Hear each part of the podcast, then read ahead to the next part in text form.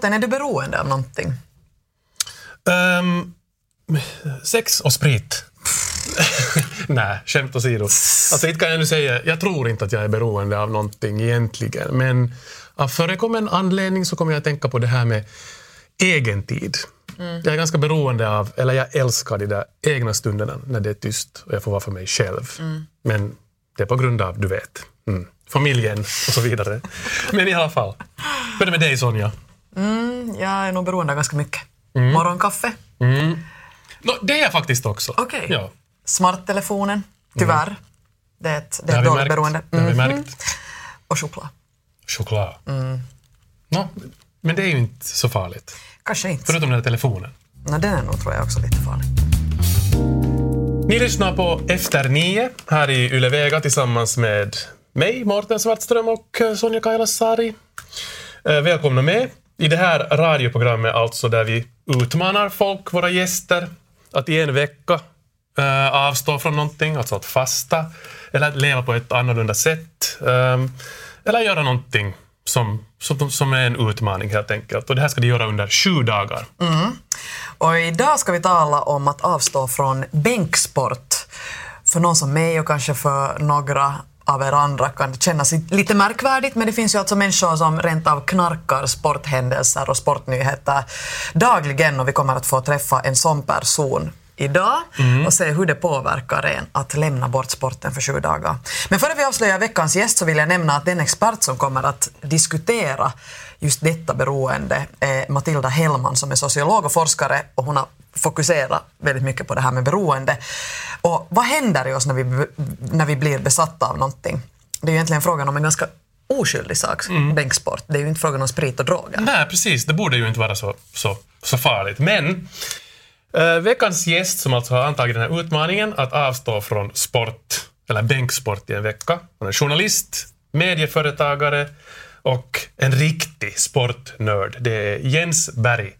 Och vi ska inleda med att uh, höra hur det lät uh, dag ett då Jens Berg hade inlett sin, sin sportfasta. Hur det kändes bara ett par timmar in i den första dagen. Det har gått några timmar nu och jag kan ju säga att jag har funderat mera på sport nu än vad jag i normala fall brukar göra tror jag. För att det handlar ganska mycket om också att hur jag undviker sport. Jag har min telefon så är full av, av appar som pushar sportresultat, sportnyheter till, till mig. De är borta nu. Den här veckan så är helvetisk, den är liksom djävulskt vald för det är friidrotts-VM som pågår hela den här veckan. Och sen börjar Premier League i fotboll. Och sen det värsta, så är det spelas PGA-mästerskap i, i golf den här veckan. En av golfens fyra majors som jag skulle följa med garanterat 20-25 timmar live, titta på det. Det kommer att bli en märklig vecka. Hjärtligt välkommen med Jens Berg. Tack. Varför valde du den här utmaningen för dig själv? När jag fick frågan just att vad, vad är jag beroende av? Det här var alltså någonting som jag, som jag har märkt själv att tar hemskt mycket av min tid och, och har blivit en, en, eh, kanske från en vana till en ovana. Så, så då tänkte jag att okej, okay, att den här, den här veckan som jag var inne på här i, här i klippet så, så var en, en mardrömsvecka helt enkelt. För att jag visste att, okay, att nu kommer jag att titta hemskt, hemskt mycket på sport varenda kväll och golfen kommer ju dessutom på nätterna i och med att det, i och med att det spelas i USA. Så, så då valde jag helt enkelt den här veckan och så valde jag sport för att, för att liksom lära mig lite kanske om mig själv också. Mm. Har någon någon poängterat åt dig, antingen där hemma eller någon annanstans, att Jens, det här är ett problem? Uh, eller är det bara du nej, själv som nej, alltså, vaknar upp till det? Problemet kanske, kanske lite att, att ta i, men, men, men det är klart att, att jag får höra av, av familjen att, att okej, okay, att, är det, att är det nu golf eller är det fotboll eller är det friidrott eller är det backhoppning eller, vad, eller vad är det? Att mera, mera sådär att okej, okay, att, att där sitter jag nu antingen framför en liten skärm eller sen framför en jättestor stor skärm. Mm så att ingen har nog kanske använt ordet, ordet problem utan det är mer så här suckat ju att, att nu får man inte kontakt med pappa här på måndagen men nu är det golf. Nu är det ju på det sättet att det här är ju det här är ju nu, du berättar här om, om hur, du, hur intresserad du är. Men, men vi tänkte också kanske att, han skulle få, att Jens, du skulle få lite bevisa Oj. hur, hur insnöad du är. Eller Oj, vad. Sonja? Mm, precis, Oj, hur, hur fanatisk är du i sport? Eller Så vi tänkte- ville egentligen berätta åt våra lyssnare. Ja, hur, ja. ja. Oj nej. Som sagt, nu ska vi utmana dig igen, så då, då kom- tänkte vi att vi skulle spela upp några ljudklipp Okej. där du själv refererar. Oj nej. Här har vi fått hjälp av din, din före detta kollega Krisu Vuojärvi på Yle, Svenska Yle, som, som har hjälpt till med det här. Och du ska då säga vilken match det handlar om. Eh, vilken match handlar det här om? Ljudklipp 1.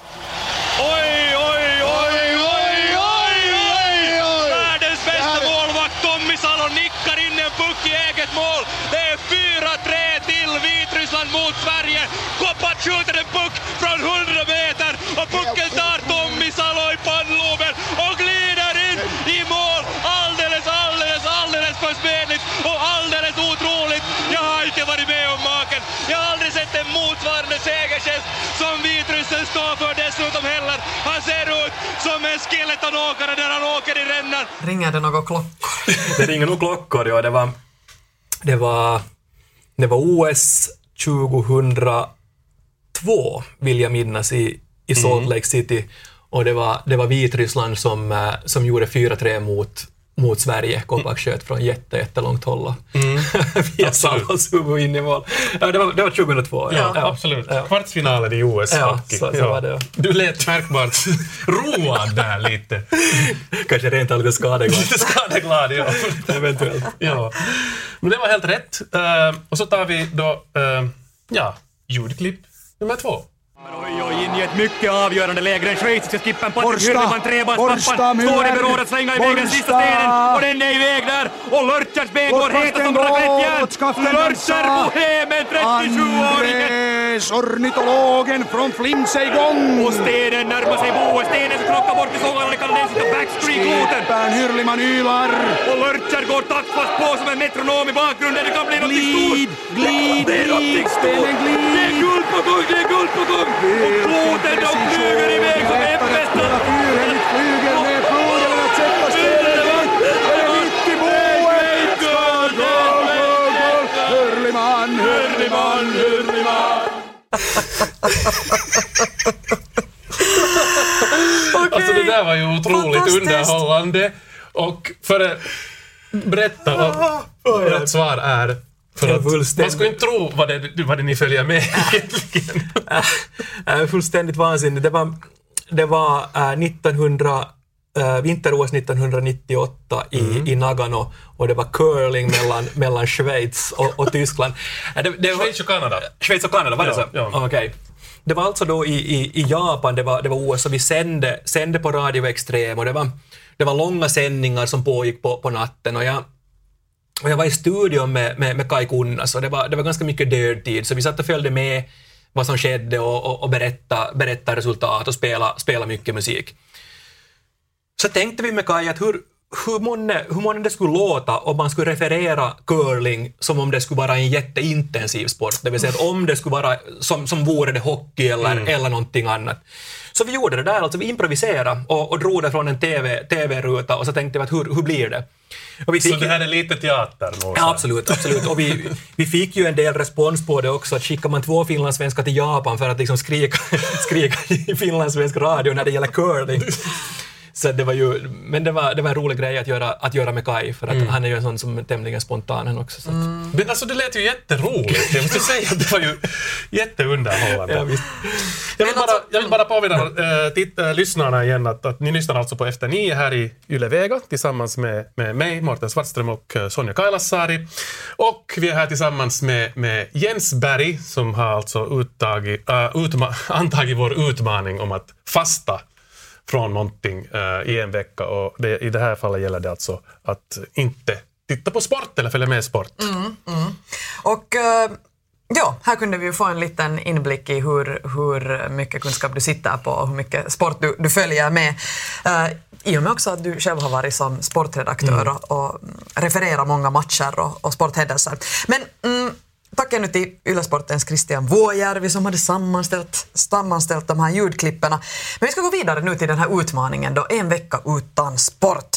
Och, och vi fortsätter med, med att lyssna på ett ljudklipp från din eh, dagbok och det här är från dag två.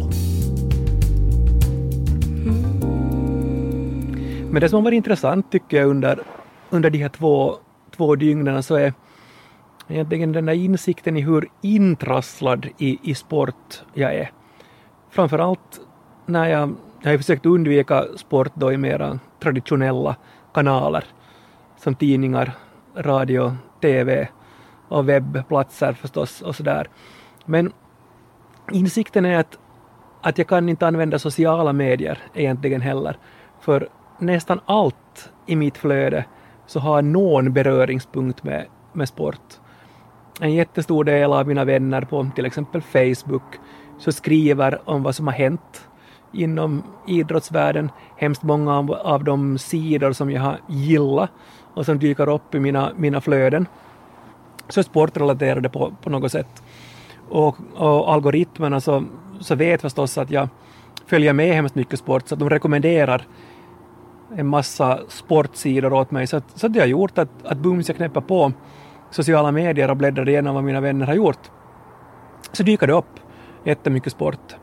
Så att den här sportfastan så har blivit betydligt mer, det har blivit någon form av en, av en mediefasta också för, för mig, vilket har varit ganska intressant. Och egentligen, om jag ska vara helt ärlig, efter de två första dygnen, så visst har det varit jobbigt att inte följa med sport. Men nästan ännu jobbigare har det varit att inte kunna vara på de sociala medierna överhuvudtaget, för att där finns som sagt så jättemycket mycket sport. Och där flög ett sånt flygplan förbi där mm. med en banderoll med resultat. Nej. Eh, det där kommer ju lite in på det här att hur svårt det egentligen är att helt avstå från att se mm. sport överhuvudtaget och resultat. För att det är så många andra som också delar med sig. Vad, vad gjorde du istället? Först, de första dagarna så, så var de svåraste, för att då försökte jag mig på det som jag var inne på klippet här, att, att liksom åka slalom mellan kanaler och undvika och liksom ah, nu kommer det sportnyheter. att det, det, det fungerar inte. För så du undvek inte helt och hållet? Liksom, eller du försökte? Nej, alltså jag, för, jag försökte undvika, undvika allt som, som bara kom, men att det blev, det, det, det blev bara tokigt, för, för det gick inte.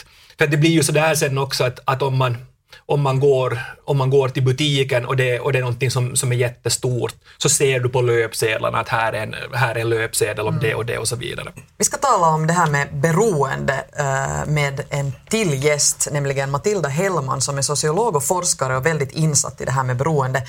Ni lyssnar alltså på Efter nio radio här med Morten Svartström och mig, Sonja Kailasari, i programmet där vi utmanar folk till olika förändringar i livet under en vecka. Och den här gången handlar det alltså om att vara beroende av bänksport och eh, ja, hjärtligt välkommen Matilda Hellman, sociolog och forskare och insatt i det här med beroende. Ett hurdant beroende är bänksportsberoende? Vad är egentligen skillnaden mellan passion och något som är osunt? No, det är ju förstås en, så en glidande skillnad och man använder ju det där ordet beroende för alla möjliga sysselsättningar. Det är, det är ett språkbruk helt enkelt, att vi använder det. Men det är ett språkbruk, vad det betyder är att man tycker att det på något sätt kanske är problematiskt. Och det är kanske det eh, vi menar när vi talar om att du, tar, du ser väldigt mycket på sport. Att du använder väldigt mycket tid på det och du lägger ner mycket på det och, och, du kanske tycker att det går lite för mycket. Eller någon annan i din närhet kanske tycker att det går lite för mycket tid eller du anstränger dig för mycket på just den ena saken. Är det alltid ett negativt laddat ord? Man tycker no, ju det på Ganska ofta, men det, brukar nog, det kan nog också användas sådär lite sådär att oj, jag är så beroende av att röra på mig. Då kan det ju vara något också bra. Mm. Och i en där när vi tittar på medietexter så anses nog uh, att man arbetar väldigt mycket och att man är sån här workaholic. Det är ju ibland liksom också, det är något bra när det är vissa personer som gör det. Och, mm. och så här.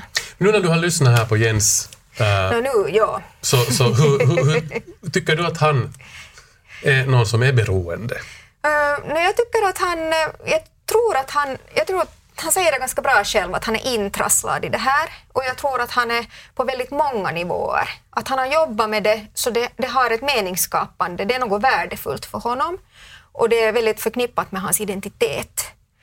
Men sen finns det en ganska intressant sak som jag tycker att händer under den här veckan när jag lyssnar på de här klipperna. Så märker jag med dig att, att det är kanske också någonting som har fått ett utrymme i ditt liv lite som en snuttefilt. Att det är som en sån där berättelse som händer där på sidan om som du känner att du vill hela tiden tillbaka till för den, den på något sätt är skönt att, liksom, att det finns där, att det är beständigt. Och, och den kanske den snuttefilten kanske lite passifi, liksom gör dig lite passiv. Att sen tycker jag att när jag tittar på de här klipperna och du under veckans lopp tvingades göra andra saker så tyckte jag faktiskt att du såg lite mer hälsosam ut mm. när du talade om att du hade fått något gjort. Och sen i det där sista klippet när jag tittade på dig så tyckte jag igen du såg lite sådär vild ut som du skulle ha fått din drog. Att du sa att, att nu har jag tittat igen på sport i en timme och då såg det nästan lite sådär du såg inte lika liksom hälsosam ut helt enkelt, tycker jag. Mm. Men det kan hända att jag läste för mycket, för, men då visste jag inte ännu att du hade tittat. Utan jag såg dig och så sa jag, nu, nu, nu är det något, nu har han liksom, du var lite så exalterad. Och då när du pratade också här i studion så sa du, du talade lite drömskt nästan om det här, dina idrottsupplevelser, när du talade om något OS och, och sånt här när ni lyssnar på det här. Du talade om det var fantastiskt och en minnesvärd grej och sånt här. Men då, då tänker jag att de här betydelserna kanske har på något sätt urholkats. Att när du sen tittar på de här golfturneringarna så, så kan du på ett sätt fundera på att är det ännu så där magiskt eller är det en vana? Mm. Mm. Ja. Bra, bra sagt. Alltså det, det är klart att det är en, att det är en vana och att det, och att det är liksom förknippat med, med rutiner hemskt mycket. Att så här har jag alltid gjort och som du, som du säger att jag faller tillbaka till, till någonting som är, som är tryggt det, det skriver jag nog under i, i det, du, det du säger. Och, och det, det är väl också, också så där, har jag lite tänkt själv att, att det, om, om världen omkring mig är, är kaotisk så är det, så är det ett, ganska, ett ganska tryggt ställe att gå till till, till idrottsvärlden och följa med. Och där har, jag min, där har jag min ruta och där har jag min bubbla och där, där sparkar, de, sparkar de på en boll eller, eller skjuter på en puck eller, eller, eller slår en golfboll och så vidare. Det, det är på något sätt hanterligt har jag tänkt, tänkt själv, själv också. Och det blir ju som en följetong på, på ett sätt också som blir svår att bryta för att, att i och med att jag har följt med äh, tävlingar så pass länge så blir det följande kapitel egentligen till en, till en berättelse eller till en, till en bok som, som jag har hållit på med nu i 40, 40 mm. år drygt. Men, men skulle, du, skulle, du kunna, skulle du säga Jens att, att uh, livet vore liksom meningslöst om inte du fick göra det här? Jag inte skulle bli deprimerad. Det, inte vet jag om jag skulle bli deprimerad, men, men, men det är ju det också att, att i och med att jag, jag diskuterar sport med så mycket människor runt omkring mig med, med, med en stor del av mitt, av mitt sociala nätverk, så skulle det bli ganska konstigt egentligen att om, om, om frågan kommer sen att okej, okay, att ska vi gå på, på matchen när jag lagt av med, med sånt där, eller, eller tittar, du, tittar du igår, att, vad, vad tyckte du? Och sen börjar vi prata om någonting annat. Så lite, lite konstigt skulle det, nog, skulle det nog bli, det skulle inte kännas, det skulle inte kännas naturligt. Mm. Mm. Hur mycket är ett sånt här sportberoende också ett, ett socialt beroende? Jättemycket. Alltså det där är samma säger ju folk som vill sluta med alkohol. Det är jättesvårt. Mm. Och också till exempel när det blir såna terrasstider så lägger man märke till att, att folk sitter med alkohol. Vill man själv försöka sluta så är det svårt. Och det säger du ju också, du såg det överallt. Men jag blev nog lite fnissig när jag lyssnade på det här för du sa att ja, mitt sociala flöde och, och jag såg det överallt och jag tänkte att jag ser inte någon sport någonstans. Att hur jag än försöker liksom, så ser jag inte, jag har inte någonting om sport i mitt sociala medieflöde.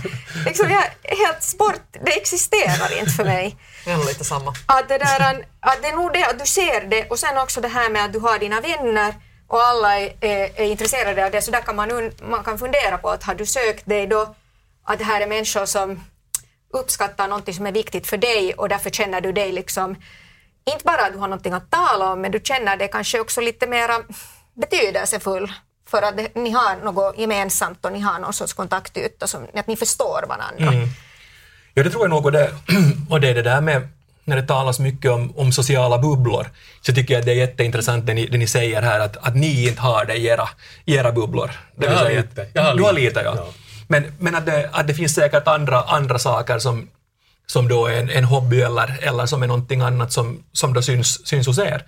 Men, men för mig så skulle det vara fullständigt, jag menar jag kan inte tänka mig ett Facebookflöde utan, utan en massa, massa videon på, på sport. Finns det ett sånt?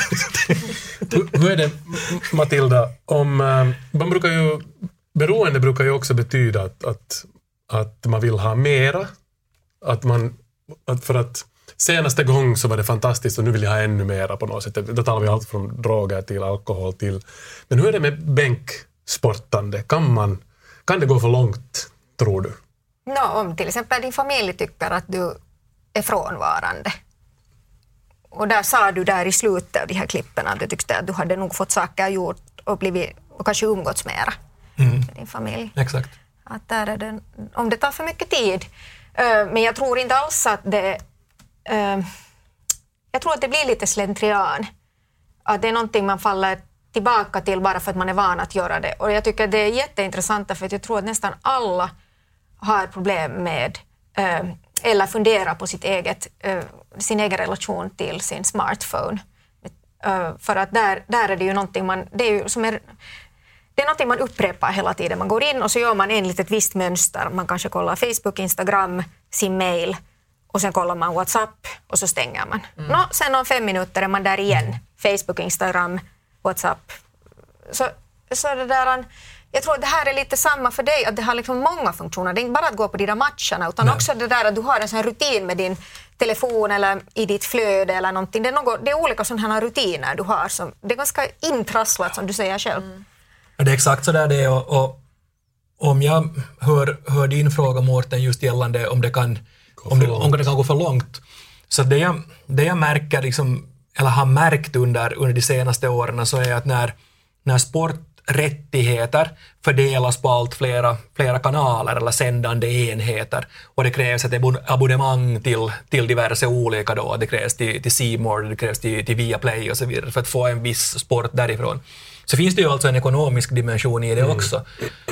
Eh, i, att, I att konsumera sport, det vill säga att man får lägga ganska mycket pengar på, på det här abonnemang för att få, få tillgång till de här olika idrottsgrenarna live. Så där finns alltså en sån här risk som, som jag ser med, med mitt bänksportande. Eh, vi ska ta och lyssna på ett till dagboksklipp och det här är då från femte dagen. Och, och här hittar du så att säga en strategi för att klara av fastan. Det sista dygnet har gått eh, överraskande bra för eh, det var ett av de dygn som jag tänkte att skulle bli, bli svårast. Igår så var det spjutkval med terapitkämmek i, i friidrotts-VM och så började förstås PGA-golfen. Men, men det jag gjorde i, igår var att jag började med ett äh, halvstort projekt som jag har skjutit upp ganska, ganska länge.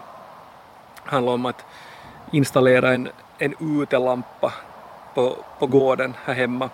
Jag märkte att det var, att det var bra, för igår kväll när äh, allt det där spännande i sportvärlden försiggick så då funderar jag mest på att ja, hur mycket jord kommer jag att behöva idag och kan man plantera gräs så här på hösten eller ska man plantera det på våren mer? Att vad, är, vad är bättre?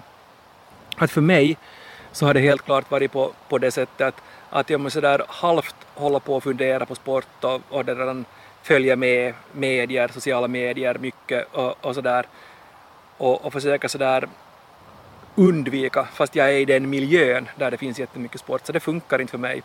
Utan helt klart att, att ska jag vara utan sport så då måste jag kompensera det med någonting som är, som är helt annat. Eh, Matilda, en, hur bra strategi är det att fylla tomrummet med någonting annat? Det är en jättebra strategi och jag tror att när du håller på tillräckligt länge med en sån sak som att du tittar på sport så det gör det väldigt passiv och det är så att hela din kropp och din hjärna, allting eh, strävar till en sån här eh, homeostas där du är bara helt lugn och du får göra precis allt du är van med. Och det är det här du hela tiden liksom det, det behövs stora viljeansträngningar för dig att göra något annat. Och när du gör det där annat så är det ofta så att du måste anstränga dig och bli aktiv. Och vad jag tror är att bara man orkar med den här ansträngningen, att den tillfredsställelse man får, att den är ändå större än liksom i längden. Att den är mer betydelsefull och värdefull. Eller det här vill jag tro. Mm. Ja, det, är bra, det är bra sagt, för, för jag märkte det. Alltså det, där, det där projektet som jag var inne, inne på, så var ju inte världens största projekt. Det var en, en, vi har haft en gammal utelampa och tagit bort den och så har det funnits en grop där nu i princip ett år. Så man väntar att det ska hända, hända någonting. Um, en sak före vi går till en, till en, till en annan grej uh, som lite handlar om din familj också. Men jag tänkte, för har du någonsin haft Jens dåligt självförtroende? Uh, inte dåligt självförtroende. Har du, haft, har du någonsin Jens haft uh, dåligt samvete för att du, du har konsumerat så mycket Jo, sport? det, det har jag definitivt, definitivt haft. Jag har haft dåligt, dåligt samvete om jag, om jag märker att det, att det är många, många sysslor i hemmet som behöver göras och, och de kolliderar med någonting som jag då inom citat måste se på eller, eller lyssna på eller, eller, eller konsumera just då. Så att ja, visst. Jag försöker ju kompensera det och samla poäng på, på annat sätt, att jag, att jag gör mer då under en tid när det inte pågår någonting viktigt som jag då tycker att är viktigt. Men visst, ja. Och vi var faktiskt lite inne här än på det här med din familj och hur de reagerar på din, din sportfria vecka. Och vi har faktiskt också talat med din fru, Anna-Marie Rosenqvist Berg. Och för att få lite veta vad hon tyckte om, om hela den här veckan. Och så här svarar hon när vi frågar hur din, ditt sportberoende syns i familjens vardag. nu, nu syns det ju. Det är liksom en del av honom att följa med sport. Det, det är liksom så vardag så jag märker att jag kanske inte ens reflekterar över det mera.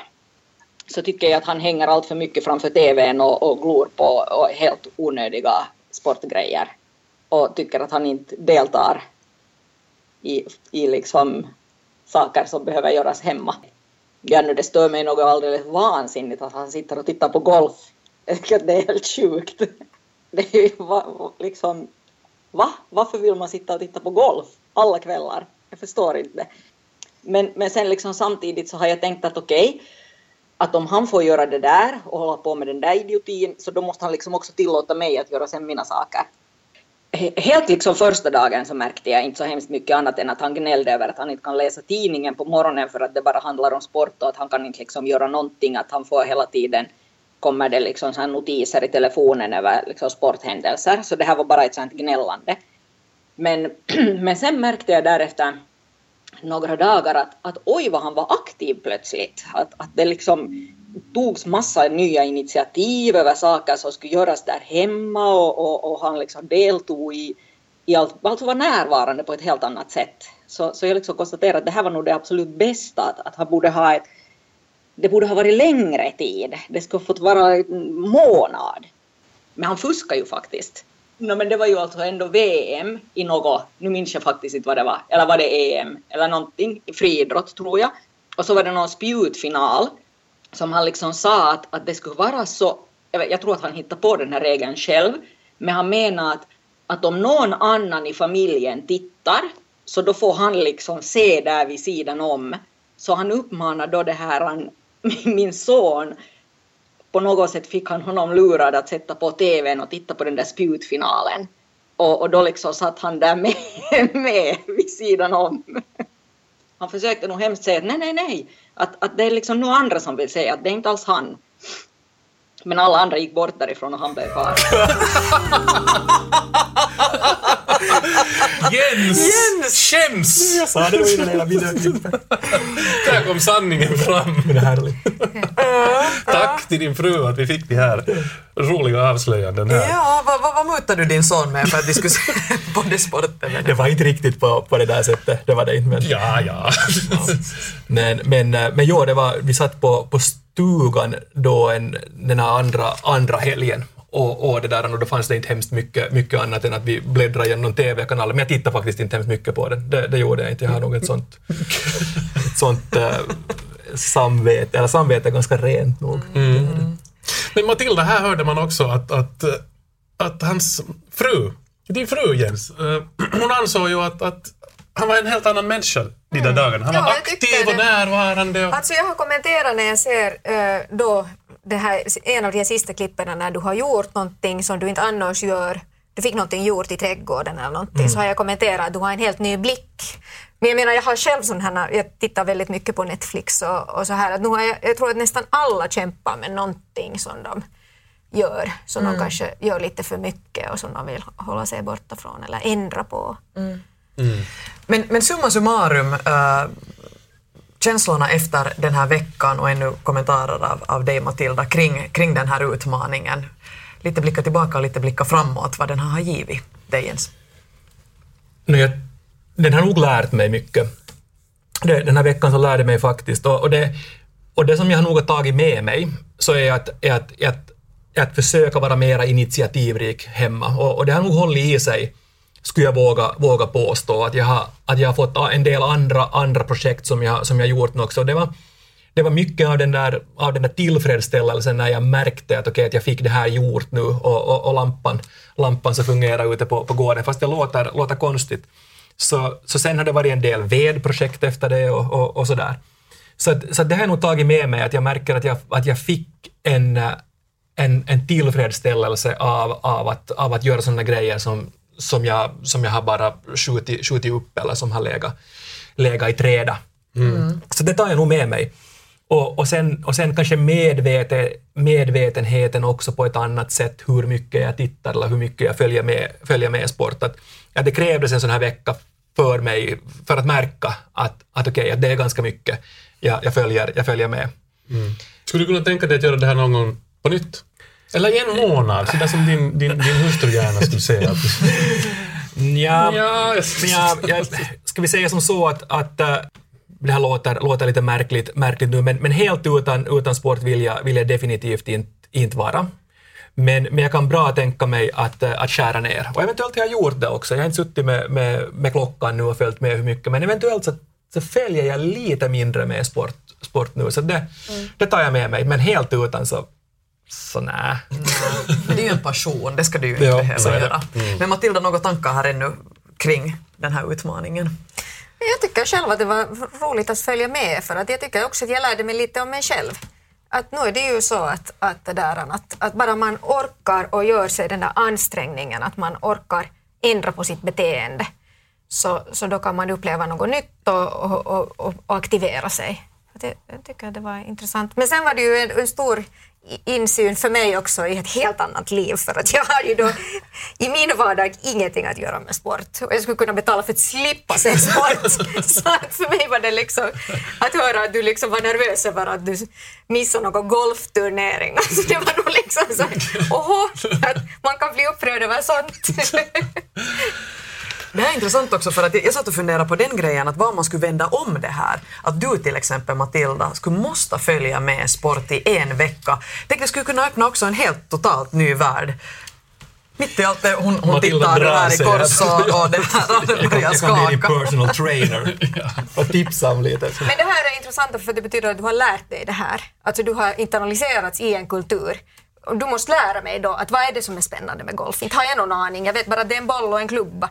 Men det är mycket, mycket det där också att, att, eh, att det handlar ju om, om människorna i sporten och, och, och sådana som, som har, har utvecklats mycket eller sådana som gör en comeback, sådana som har varit skadade eller sådana som har gått igenom någonting. Att det blir ju också att följa med människor. Det är mytologi. Ja. Ja, mycket, mycket av, av det. Så att, eh, så att på det sättet så, så skulle jag nog kunna, kunna lära dig Matilda liksom genom att berätta tror jag, historier om de här människorna, att följ med, följ med henne för hon har varit med om det här, eller följ med honom. Och då blir det genast den där, den där kroken någonstans också. Mm, mm.